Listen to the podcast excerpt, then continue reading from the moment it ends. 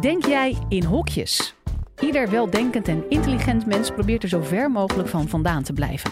Maar toch zit er volgens professor Daniel Wigboldus van de Radboud Universiteit in ieder van ons een hokjesdenker. Hij laat zien dat ondanks de slechte reputatie van een hokjesgeest, categoriseren juist functioneel is. Want je dag doorkomen zonder de wereld om je heen in hokjes te stoppen is zelfs bijna onmogelijk. Live vanuit Club Air is dit de Universiteit van Nederland. Als je een uh, speelgoedfolder openslaat, dan is het niet onwaarschijnlijk dat je uh, iets ziet zoals het uh, volgende. Zo goed zijn als mama, dat wil jij ook. En wie is jij dan? Dat zijn allemaal keurige meisjes en die staan met allerlei ja, huishoudelijke producten staan die in de folder. Dit is heel normaal. Dit is veel normaler dan dat we een folder zien waar er allemaal jongens op deze pagina zouden staan. Nou, hier is natuurlijk sprake van een heel duidelijk stereotyp beeld, wat hier bij jonge kinderen al op deze wijze ja, wordt aangebracht eigenlijk. Meisjes horen zich met het huishouden bezig te houden. Stereotypen zijn vormen van kennis, kennis die we hebben met van bepaalde groepen, van bepaalde categorieën. Vrouwen, houden zich bezig met het huishouden. Stereotypen spelen een hele belangrijke rol in als wij een oordeel vormen van andere mensen. En het is dan ook niet zo gek dat psychologen zich al vanaf eigenlijk bijna het begin van de psychologie zich hebben bezig gehouden met onderzoek naar stereotypen en naar vooroordelen, de positieve en negatieve gevoelens die we hebben ten opzichte van andere groepen. In uh, ongeveer de jaren 20 van de vorige eeuw, 1920, was het eigenlijk nog heel makkelijk. Toen dachten Amerikaanse psychologen zelf ook dat er gewoon hele grote verschillen tussen rassen waren. Dus als het stereotype beeld was dat Afro-Amerikanen dommer waren dan uh, uh, normale Amerikanen, dan bevestigden de psychologen dat ook gewoon, ja, dat is gewoon zo. Dus dat is geen stereotype, dat is gewoon zo. Nou, dat veranderde vrij snel. En in de jaren 30 deden Katz en Braley, waren de eerste die echt onderzoek deden naar wat zijn nou de stereotype beelden die mensen in Amerika voornamelijk hebben van andere groepen. En wat ze deden, dat kon toen nog, dat werkte heel goed. Ze hadden een lijst met allemaal groepen. Afro-Americans, Amerikanen stonden erin, maar ook Duitsers, Italianen, mannen, vrouwen enzovoort. En ze hadden dan 84 eigenschappen. En de proefpersoon moest voor elke eigenschap aangeven, is die van toepassing op een van die groepen of niet. En dan vonden ze bijvoorbeeld dat 50% van de Amerikanen vond blanke Amerikanen intelligent en hardwerkend. 75% vond Afro-Amerikanen lui en dom. En dat gaven mensen gewoon aan in de jaren 30 van de vorige eeuw. Geen probleem. Nou, na dat eerste onderzoek naar de inhoud van stereotypen en vooroordelen, werd er naar aanleiding van met name de Tweede Wereldoorlog steeds meer onderzoek gedaan naar van ja, wat voor mensen zijn dat eigenlijk? Die zo erg terugvallen op hun stereotypen en vooroordelen. Want langzamerhand werd wel duidelijk dat veel van die beelden helemaal niet klopten met de werkelijkheid. En in de Tweede Wereldoorlog ja, was, waren natuurlijk hele ernstige zaken gebeurd. En was een hele bevolkingsgroep, de Joden in Nazi-Duitsland, die werden weggezet als allemaal gelijk en allemaal heel negatief. En er is na aanleiding van de Tweede Wereldoorlog dus heel veel onderzoek gedaan naar hoe dat kon. En steeds meer werd toen stereotypen en vooroordelen gezien als mensen die dat doen, die hebben een soort van afwijkende persoonlijkheid. Daar is iets mis mee. En Adorno die had het over de autoritaire persoonlijkheid. Mensen die alles echt op hun plek willen hebben. Alles moet helemaal recht liggen. Er moet orde zijn in de maatschappij. Iedereen moet zijn plek hebben in de maatschappij. Mensen die zo denken, zullen ook mensen zijn die snel zullen geneigd zijn om anderen te stereotyperen en om op vooroordelen af te gaan. Nou, dat beeld heeft heel lang bestaan in de psychologie. Dat stereotypen en vooroordelen, dat dat iets te maken heeft met een afwijkende persoonlijkheid. Tegelijkertijd, vanaf de jaren 40, maar dat proces ging veel langzamer, was er ook een groep, en dat begon met Gordon Alport, die daar een boek over schreef, die stereotypen en vooroordelen veel meer zagen als iets wat voortkwam uit een veel algemener proces. Een proces wat voor ons allemaal geldt. En waar zij het over hadden, was categorisatie. Een heel belangrijk proces. In hokjes stoppen. Nou, laat me dat even toelichten. Als je net geboren wordt, je komt ter wereld en je doet je ogen open. Wat, wat zie je dan? Niks. Je zou kunnen zeggen, nou, hier wordt gezegd je moeder. Maar maar die, die stimulus die je ziet, die heb je nog nooit gezien. Dus hoe weet je dat dat een mens is? Je hebt nog nooit een mens gezien. Je moet, je moet leren, je moet leren, hé, hey, die ogen en die neus, wat ik daar zie, dat zit allemaal steeds bij elkaar. Dat is één geheel. En zodra je dat hebt gedaan, heb je opeens een hele belangrijke categorie gemaakt. Moeder. Als je erover nadenkt, het feit, als wij kinderen taal leren, als we zeggen, dit is een hond, dit is een kat, dit is een stoel, dit is een tafel, dit is een jongen, dit is een meisje. Dat is heel erg categoriseren. Dat is labeltjes ergens opplakken. En dat is maar goed ook. Stel je voor dat we niet zouden categoriseren. De stoel waar hij nu op zit.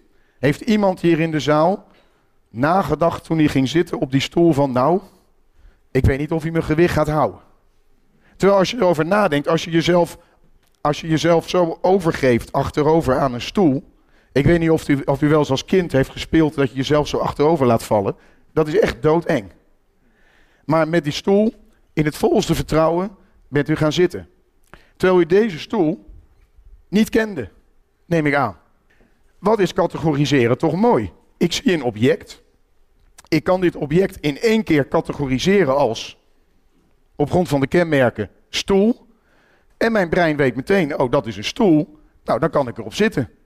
Hoef ik niet over na te denken, die kan gewoon mijn gewicht dragen. Dat is toch super handig? Stel je voor dat we dat niet deden. Dat je een deur zag en die wil je openen. En dat je dat ding waar je je hand op kan leggen niet als een deurklink zou categoriseren. Maar dat je dat elke keer opnieuw moest uitvinden. Nou, dan zouden de dagen heel lang worden. Dat kan ik u wel vertellen. Het heeft heel veel voordelen dat we categoriseren. Sterker nog, we zouden eigenlijk helemaal niet zonder kunnen. Als we iets categoriseren, wordt de kennis die actief is met die categorie, een stoel kan je op zitten, die wordt meteen ook actief. En dat zorgt ervoor dat ik weet wat ik met die categorie kan.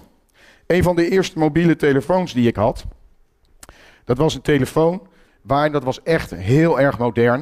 We hebben het al even over even geleden, waar je ook een foto mee kon maken. En nu is het wat anders, maar die oude mobiele telefoons, de kant waarmee je een foto maakt, ziet er echt een beetje uit als een fototoestel.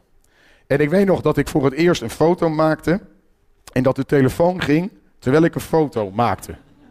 Dus ik nam de telefoon op en degene die ik aan het fotograferen was, die keek me echt aan van, nou, wat doet hij nu? Wat doet hij nu? Nou, wat ik deed was gewoon een mobiele telefoon met camera die ik nu opnam. Maar daar zie je, dit is ook een belangrijk punt. Als je dit object op dat moment categoriseert als fotocamera, dan weet je precies wat je er wel mee kan. Foto's nemen.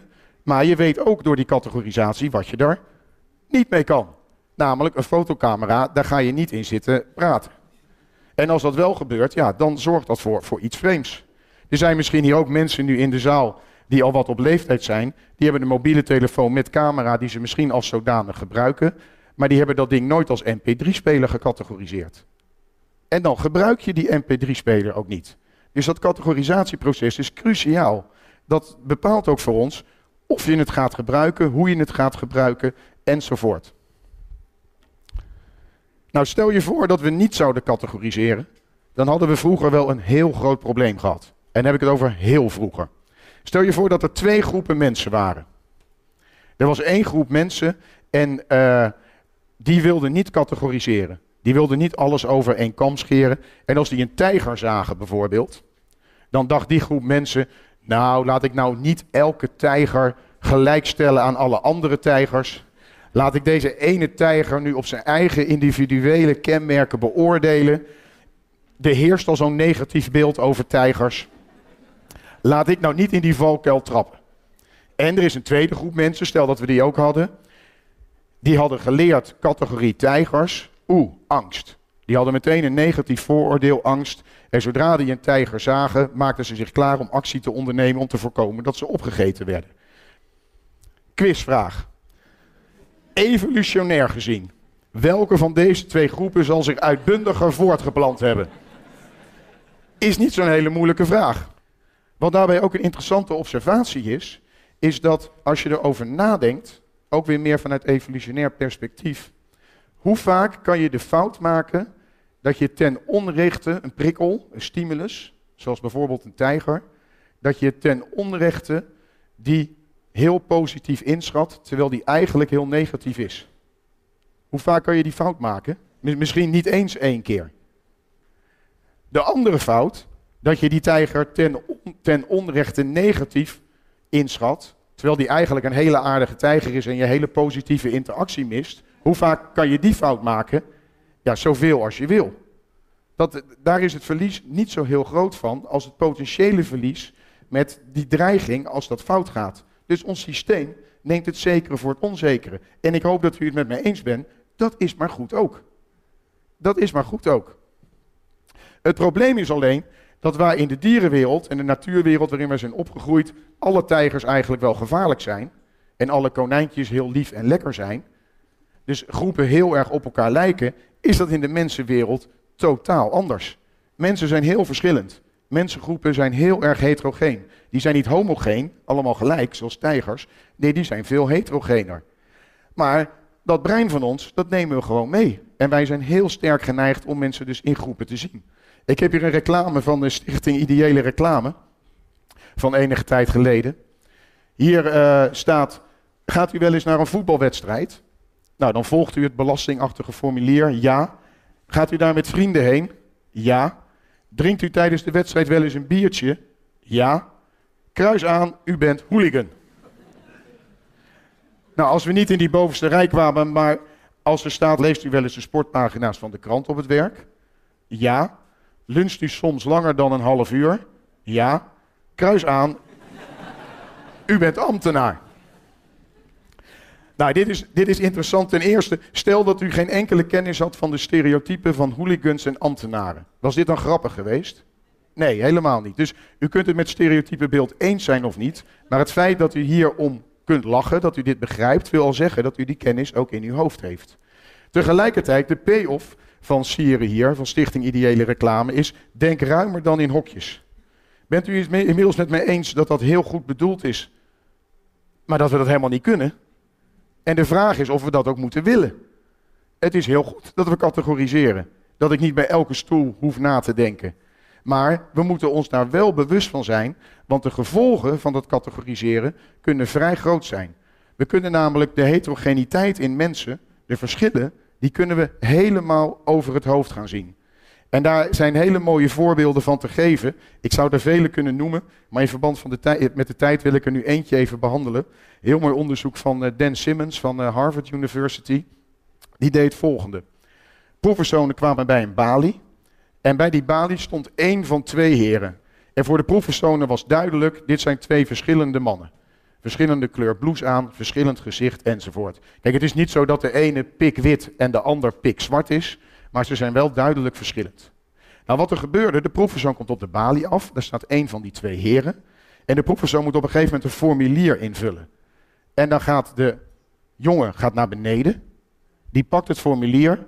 En wat de proefpersoon niet ziet, is dat er ondertussen stiekem die andere jongen zit aan verborgen. En die komt omhoog. En dan is de vraag, valt dat mensen op? Op het moment dat je dat ziet als er gaat een jongen, een individu naar beneden en er komt een ander individu omhoog, ja, dan valt het op. Maar in termen van categorisatie, er gaat een Bali-medewerker naar beneden en er komt een Bali-medewerker weer omhoog. En dit experiment is vaak ook gerepliceerd, ook verschillende varianten, maar zo'n 75% van de mensen ziet het verschil niet. Ziet niet het verschil tussen de individuen. En de mensen, die, dan kan je afvragen, die 25% die het wel ziet, ja, die is iets opgevallen. Die zien opeens, hé, hey, die heeft hetzelfde shirt aan als ik aan heb. En als dat dan omhoog komt, als de ander omhoog komt, ja, dan valt hij opeens op van, hé, hey, nu is het een ander shirt. Of een meisje, die uh, ziet een hele leuke jongen naar beneden gaan. En een hele andere jongen omhoog gaan. Dan is er iets waardoor je bent gaan individualiseren. Maar als je categoriseert, dan valt dat niet op. Dus categoriseren is heel handig, maar het leidt er ook toe dat we verschillen tussen individuen, dat we die gaan negeren. Dat we die niet meer zien. En dat kan grote gevolgen hebben. De vraag is, hoe bevooroordeeld bent u eigenlijk zelf? Wil je nou meer afleveringen van de Universiteit van Nederland horen? Check dan de hele playlist en ontdek het antwoord op vele andere vragen.